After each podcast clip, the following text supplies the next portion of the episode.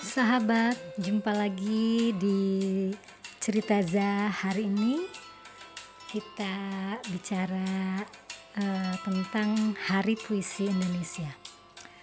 Oh ya, kemarin uh, 26 Juli 2020 di Selasar Perpustakaan Daerah DKI Taman Ismail Marzuki itu telah digelar acara syukuran perayaan ke-8 Hari Puisi Indonesia sekaligus pembacaan teks deklarasi Hari Puisi Indonesia yang menetapkan tanggal 26 Juli sebagai Hari Puisi Indonesia bertepatan dengan tanggal kelahiran penyair Hairil Anwar.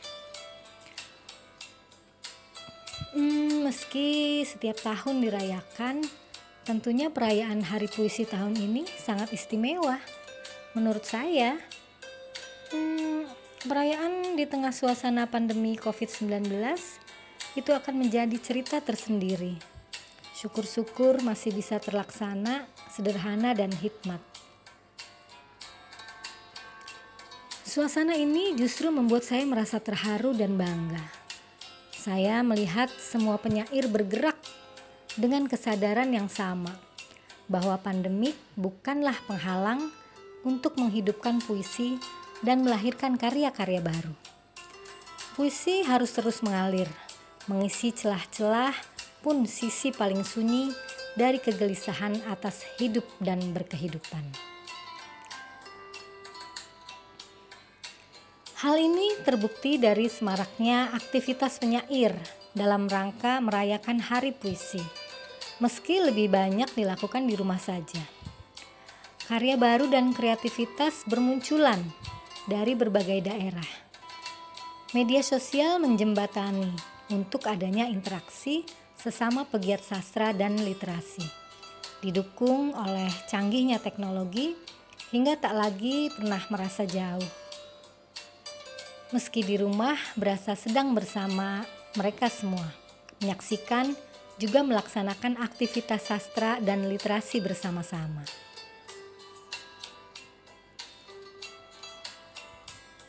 Seminggu sebelumnya, dunia sastra Indonesia berduka kehilangan seorang maestro, Sapardi Djoko Damono.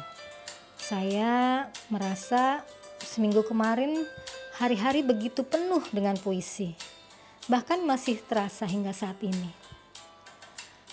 Ada duka karena kehilangan, dan ada juga gembira melihat gelora teman-teman menghidupkan puisi terus-menerus. Salah satu acara yang bikin bangga di antara banyak acara yaitu penayangan video puisi berantai dari Aceh hingga Papua di grup FB Meditasi Coronavirus dengan tagar berkarya dari rumah dan berkarya bersama, bergerak bersama-sama.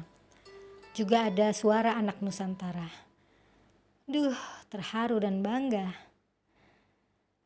Oke teman-teman. Selamat Hari Puisi Indonesia ke-8 Puisi terbukti telah menyatukan jiwa. Menyatukan Indonesia Salam puisi bertubi-tubi. Jayalah Indonesiaku. Dadah, sampai jumpa di cerita Za selanjutnya.